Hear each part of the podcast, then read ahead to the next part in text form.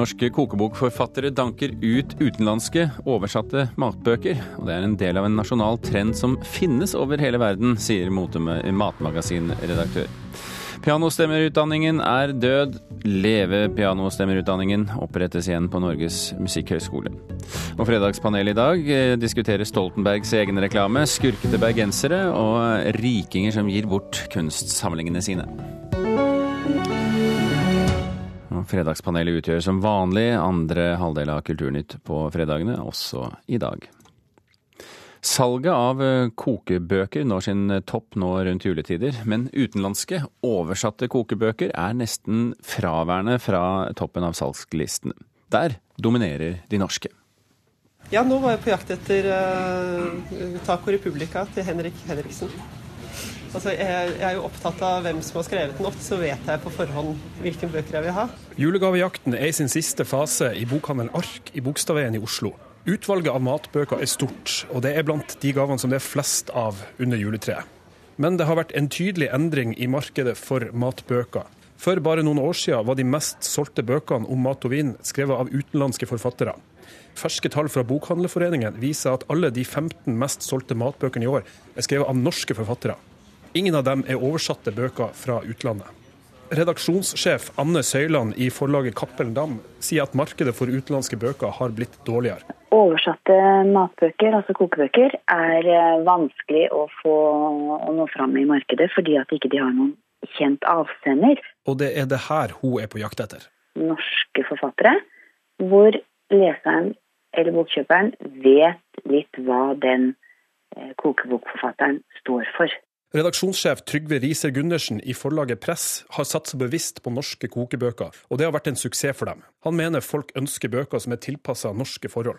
Eh, det blir viktigere enn tidligere det å kunne stole på forfatteren, på å kunne ha liksom et eh, forhold til avsenderen av boka. Eh, og der tilbyr norske forfattere noe. Hvis man kan klare å bygge opp den troverdigheten over tid, så tilbyr det noe annet enn det man får av oversatt materiale.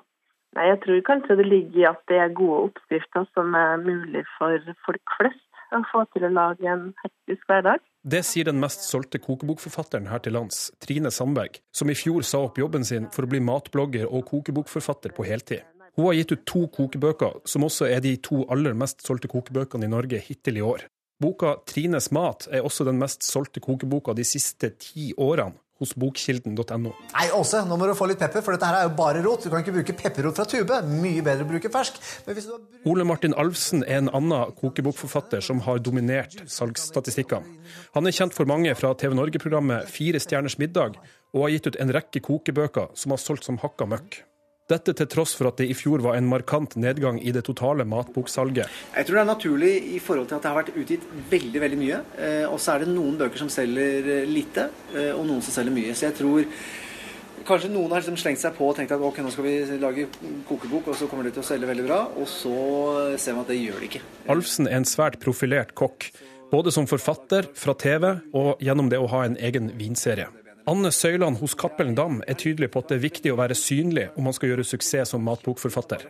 Vi ser jo det at dette med kjent ansikt eh, Det er ikke nødvendigvis ansiktet på kokeboka, men hvis denne personen også har eh, en blogg som har mange følgere, eller f.eks.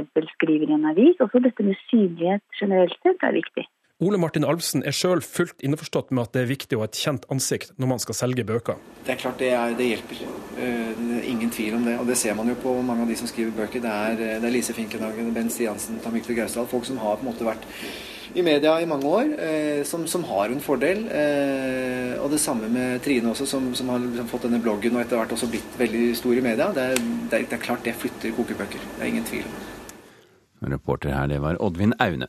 Anja Seberg Lion, redaktør i Mat- og vinbladet Nord, velkommen til Kulturnytt. Tusen takk.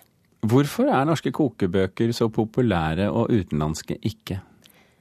De har jo veldig god kvalitet nå. Det har skjedd veldig mye på mat- og drikkefronten i Norden, ikke bare i Norge. Og det er noe man får der som gjør at man kjenner seg igjen, tror jeg. Og vi kan følge kjendisene våre, rockekokkene våre. Vi kan følge de som vi har begynt å stifte bekjentskap med. Da. Betyr det at dette er også vel så mye et spørsmål om identitet?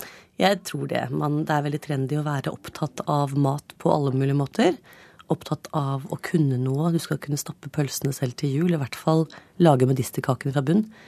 Eh, du skal være opptatt av hva du spiser. Der alt sammen henger sammen, tror jeg. Og nå hjelper det ikke så mye å få disse veldig billige, oversatte kokebøkene fra utlandet hvis du skal stappe sjæl. Det skal være ordentlig. Det skal være ordentlig. Um, er dette også vel så mye med mediekultur å gjøre som, som matkultur? Klart. Sånne som dere, f.eks. Og avisene er jo flinke til å, å, hjelpe oss som driver med eh, de forskjellige trendene, og, og hjelpe oss videre. Stille oss spørsmål sånn som nå, f.eks. Eh, det setter fokus på eh, Det er moderne og trendy å være i fokus og kunne noe. Som for eksempel? For eksempel å kunne om mat og vin, kunne gi tips som eh, Sven Erik Renå fra Renå i Stavanger, Michelin-kokk, mm. Eh, sa til meg for et par uker siden han sa det må da være grense for hvor mange ganger nordmenn skal lære å steke ribbe. Nei, og det er ikke grense for det. Ikke, Vi skal ha tips, nye tips, nye, nye trender hele tiden. Um, men, men, da, det du snakker om nå, er egentlig at det er, dette er et livsstilsspørsmål? Det. De kaller det for livsstilsmagasiner, sånn som vi driver med i nord. Dette er mm. livsstil, helt klart. Og det har jo med helse å gjøre, det har med klimaforandringer å gjøre. Vi skal spise hele dyret, vi skal bry oss om Vi skal begynne å spise innmat igjen, som vi ikke har gjort på mange år. Men er ikke det veldig paradoksalt, da? Fordi at uh, markedet for ferdigmat har jo aldri vært større? Nei, men nå er det ikke alle som er interessert i alt heller. Vi har f.eks. et ganske lite marked, en liten del. Vi vil ikke ha alle som interessenter, egentlig. Fordi alle er ikke interessert i ski, alle er ikke interessert i konserter, alle er ikke interessert i mat. Men du, Er dette noe som kun er i Norge, eller er det en internasjonal trend? Det er absolutt en internasjonal trend. Vi ser at det er kommet altså masse stolthet i Mexico, i Japan. Folk er stolte av kjøkkenet sitt. Folk vil løfte gamle tradisjoner. Det lages også verdenskokebøker som besøker små steder, eh, alt fra Hawaii til Nigeria. Så folk kan løfte sin kultur og fortelle om de historiene som har vært, og hvordan man drar dem videre. I fjor var det nedgang i det totale salget av kokebøker. Eh, så, så flere er norske, men, men, totalt går det ned. Um, er det internett? Var det totalt salg av kokebøker, eller var det totalt salg av norske kokebøker? Totalt salg av kokebøker, eh, men, eh, men de utenlandske er erstattet med norske. Ja, nemlig. Nei, altså det, er, eh, det kommer jo nye kokebøker hele tiden, og i år så tror jeg det Altså jeg tror vi kan nevne de første 20 kokebøkene, hvis vi skulle bruke tid på det, mm, som har ja, kommet bare det siste halve året. Alle lager kokebøker, og det er blitt mye mer bevissthet med TV-programmer, med hva det nå heter alle sammen, som ikke skal nevne her. Eh, men jeg tror, det var, jeg tror det er blitt produsert mange flere nå eh, enn det f.eks. var i fjor. Jeg tror det er så enkelt, altså. Anja Seberg Livan, redaktør for eh, Vin- og matbladet Nord. Takk for at du var hos Kulturnytt. Takk for at jeg fikk komme. Bare løpe videre i sendingen. Så har vi fått inn uh, vår uh, medarbeider, reporter Petter Sommer. Stå tidlig opp, bladd i alle avisene, på jakt etter uh, siste nytt innen kultur og underholdning. Hva har du funnet, Petter? Ja, jeg har begynt med Dagsavisen i dag. og Der står det at Norge jo skal være hovedland på verdens største bokmesse i Frankfurt i 2019 om ja, to år, litt mer. Eh, og nå har de store forberedelsene begynt. Fire forfattere har fått til sammen to millioner kroner til bl.a.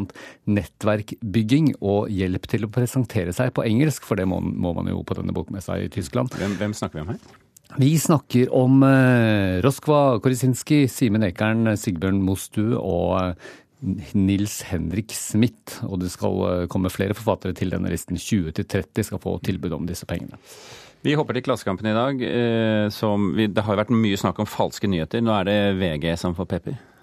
Ja, det er det. Eh, folk lager, eh, folk lager, jo falske oppsiktsvekkende nyheter, enten for å tjene penger eller for å påvirke andre, har vi jo hørt i den siste tiden. Um, og det har det jo vært flere som har vært kritiske til. Bl.a. nyhetsredaktøren i VG kritiserte jo dette på Dagsrevyen for bare noen få dager siden. Men én uh, ting er å formidle falske nyheter, hva med å lage de selv? ja, nå får jo faktisk VG selv kritikk da, for å lage disse falske nyhetene. Um, egentlig ikke egentlig ment som noe helt annet. Det er et svensk nettsted som heter Moralgranskeren som står for denne kritikken. Og de kritiserer VG for å ha en satireside som lager humor som skal ligne på falske nyheter, eller kan ligne på falske nyheter. Nasjonens øye heter den, og akkurat nå på Nasjonens øye så står det at regjeringen oppretter 200 nasjonalistmottak i 2017. Og det er jo ment som humor, men det kan jo kanskje bli oppfattet eh, som eh, seriøse ting av, av enkelte. Eh, VG svarer at det er viktig å ikke begrense satiren, men at den må merkes godt, og det skal de nå se nærmere på. Ja, hvis noen går inn på nrk.no og ser noe som er merket Satiriks, da vet man at det ikke skal tas seriøst. ikke seriøst der, altså. Men må gjerne lese det. nrk.no, vær så god. Ja.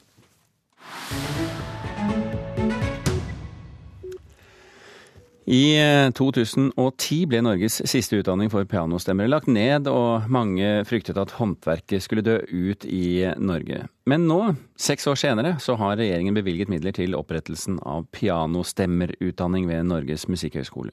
Allerede til høsten så starter fem studenter, og pianist Håvard Gimse, han puster lettet ut.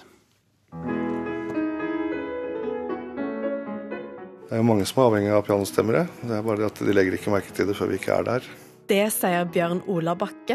Han har pianostemmer og har stått i bresjen for å få på plass den nye utdanninga. Bakke er en av det mange de siste åra har frykta skulle være en utdøende rase. Ja, vi tok en liten opptelling og fant ut at nå var det 50 stykker igjen, med en gjennomsnittsalder på over 60 år. Og da var det jo på tide å prøve å gjøre et eller annet. I nesten seks år har Bakke og Norges pianostemmer og teknikerforening jobba med Norges musikkhøgskole om den nye utdanninga, og lobba inn mot regjeringa.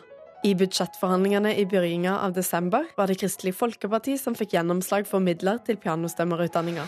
Ja, til vår eh, overraskelse egentlig, så har vi jo nå fått det til, faktisk. Siden Norges eneste pianostemmerutdanning ved Ruud videregående skole i Bærum ble lagt ned i 2010, har folk involvert seg fra flere kanter. Et opprop på Facebook har engasjert nærmest 2000 folk, og mange har kontakta Norges pianostemmerforening for å spørre hvor de kan utdanne seg. Musikkhøgskolen merker også økt interesse nå som utdanninga er på plass. Eh, omverdenen begynner, nå begynner å vite at det kommer til å skje noen ting, så har vi merket eh, interesse for det. Men man vet ikke før, før, søknadene kommer, rett og slett. Det sier Bjørg Julsrud Bjøntegård, som er viserektor for utdanning ved Norges musikkhøgskole.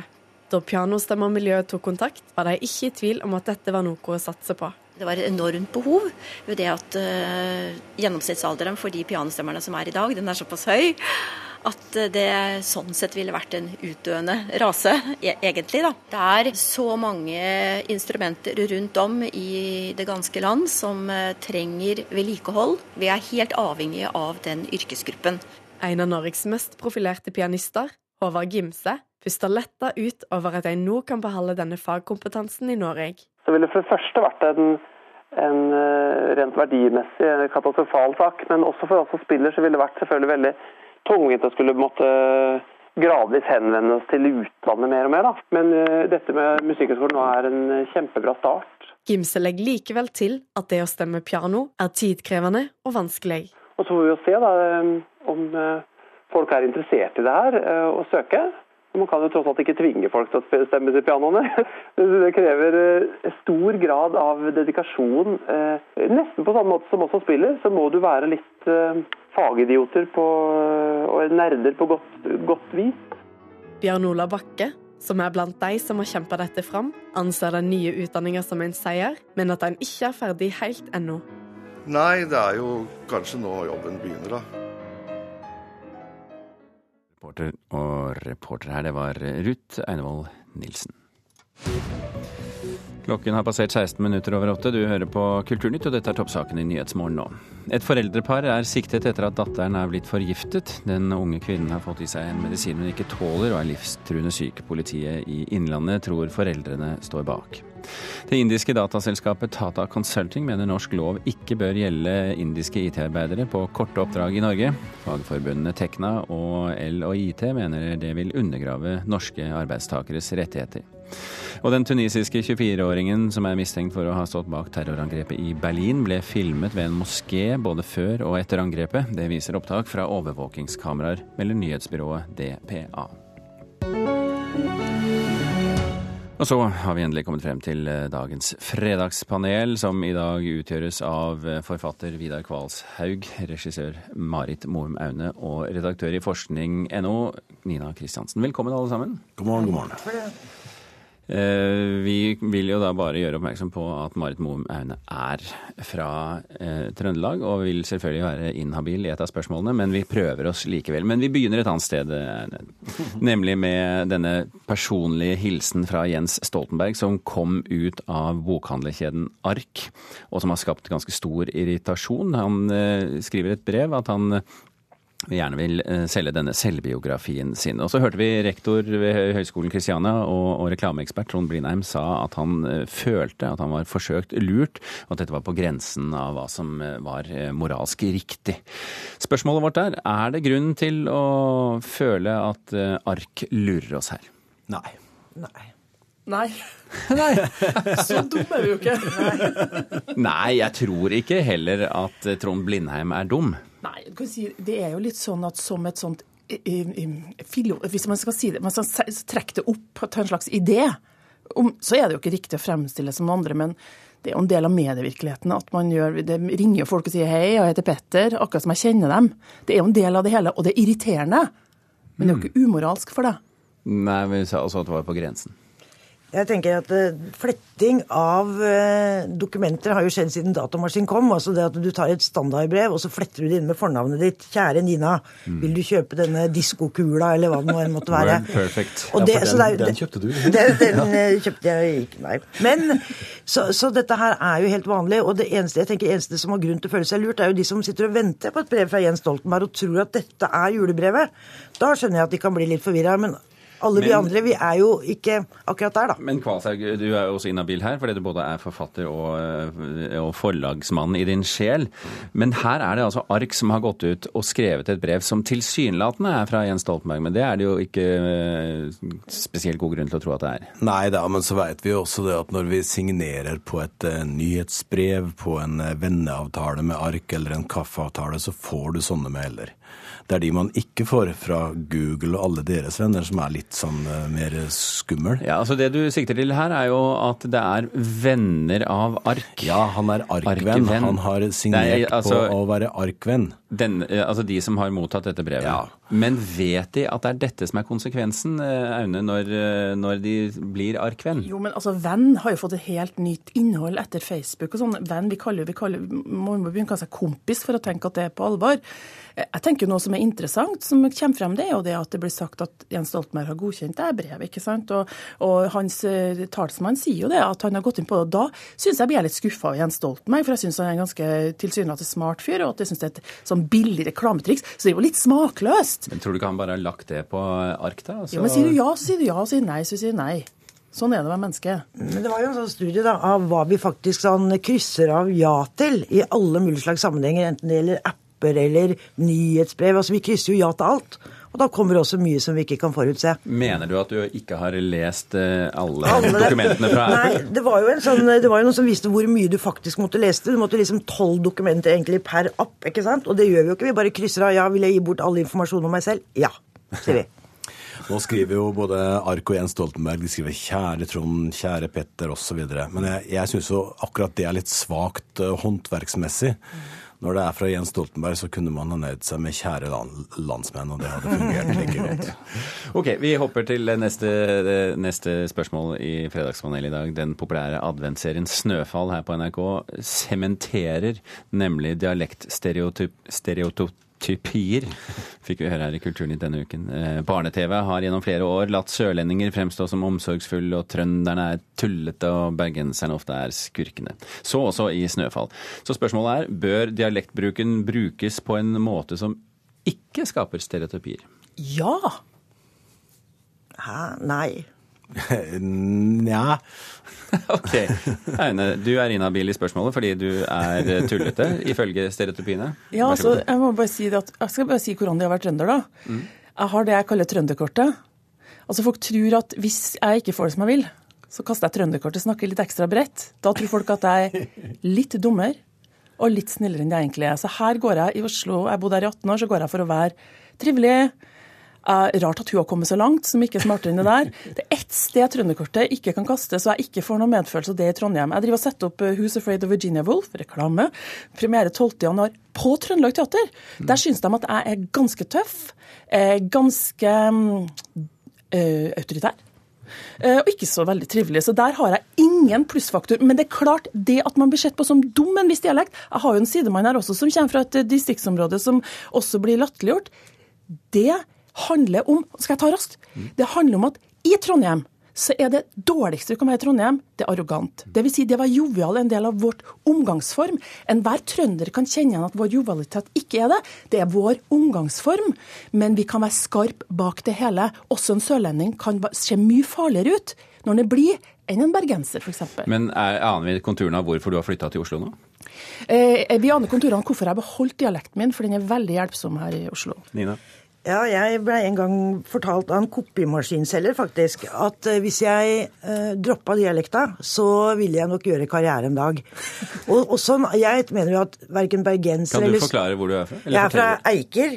Nedre Eiker. Ja, altså Stein- Buskerud? Fra Buskerud. Og jeg, det, jeg har mista mye av dialekta, det er bare rester igjen. Men det å snakke breit østlandsk er jo problemet i Norge. Det er den eneste dialekta igjen som har et problem. Altså, jeg orker ikke Ja, høre trø- jeg orker- Østfold er vel det også Ja, men det er samme dialekta, hvis du eh, Ikke sant. Det tilhører dialektområdet Vikværsk, Mm. og vi snakker varianter av det. Altså enten det er Vestfold, Buskerud eller Østfold. Og Oslo øst, ikke minst. Og jeg syns at trønderne kan bare sutre i vei, og bergenserne har ingenting å klage over. Fordi det er breit østlandsk som er det eneste som har lav status igjen i Norge i dag. Og, Det er jo tull. Det er ikke tull. Og jeg, vet du hva, jeg hørte eh, Det var en tidligere landbruksminister som en gang sto på talerstolen, og så sa han fauler om fugleinfluensaen. Jeg blei så glad, jeg fikk nesten tårer i øya. For alle legger av seg dialekta når de kommer i offentlige sammenhenger, eller i radioen f.eks. Ja. Og det er én type som, vi, som også tilhører den litt brede østlandske, som vi ikke har vært inne på. Det er totningen, som Ja. ofte blir fremstilt som både enkel og litt sånn eh, eh, Der er det veldig mange kjønnsstereotyper, og det er liksom menn som ikke sier noe, og kvinner som skravler. Og det. Bergen- skal, skal, skal du redegjøre for hvor du er fra? Ja, ja, ja. Jeg- kommer fra et sted hvor typekassen er grådig, dvs. Si Nordvestlandet, ofte forbundet med sunnmøringer. Der er man grådig, og man skal øh, ta til seg, og man er ofte høylytt. Ja. Men, men hvis vi kan gå tilbake til Snøfall, da, som jeg, som jeg, jeg er jo blodfan. Jeg står opp seks hver morgen for å se Snøfall på nett. Ja. Eh, jeg syns jo at nettopp det som er bra med Snøfall, det er at karakterene er komplekse. Altså Kjersti Elvik som gjør en fantastisk rolle som Ruth. Det er jo ikke sånn at hun er en stram, streng bergenser. Det er jo det at hun er et svært følelsesmenneske med et langt, stort register. Og et syns- kjempetykt skall. ja, og kjempetykt skall. Og jeg syns jo ikke hun er en typisk bergenser i den rollen der. Så jeg synes akkurat når Snøfall syns jeg det er helt feil. Og så vil jeg også si at Snøfall mangler jo én ting, og det er jo trøndere. De mangler jo også folk som snakker breit østlandsk, vil jeg bare nevne. Ja, men jeg syns uansett at det, det er feil retning. Men jeg syns at man kan være litt bevisst på det. Men vi skal også være litt bevisst på at det fins noen trekk i det kulturelle i forskjellige dialekter, hvordan det aksepterte oppfører seg, som også preger hvordan man blir oppfatta av andre. Og det er som når en asiat smiler, er en blid eller er en ikke blid? Litt sånn er det også når nordlendinger banner, så tror og man det at var de er ikke en stereotypi, antar jeg. Jo, men nå skjønner dere hva jeg mener. Vi, vi sitter, når nordlendingen banner, så er det selvfølgelig mye sterkere enn hvis en fra Sørlandet begynner å bannes på samme vis. Fordi det er en annen kode for hvordan man oppfører seg. Men det er jo liksom lett da, å kategorisere folk i grupper. ikke sant? Ja. Det gjør vi jo. Det er litt veldig menneskelig. da. Det er en måte å holde orden på livet og samfunn og verden. Men jeg, jeg skjønner ikke hvor denne stereotypien kom fra, hvor bergensere skulle være onde. Den var liksom litt sånn brå for det, er, meg. det er skurkete som var De er høylytte, mm. har vi hørt. ikke sant? Altså, De gjør mye av seg, men ikke at de er det. Nei, men det, altså, det er jo bare spørsmål om hvilken dialekt skurkene får, da. mm, Men det er da ikke typisk bergensere, er det det? Men eh, det er Hva er typisk bergenser, da? Vil Ja. du si fra Østlandet? De er fra Østlandet. Nei, jeg vil jo si det at de er eh, litt Altså eh, kategorien høylytt, kanskje. Selvbevisst. Eh, selvbevisst. eh, stolte av byen sin.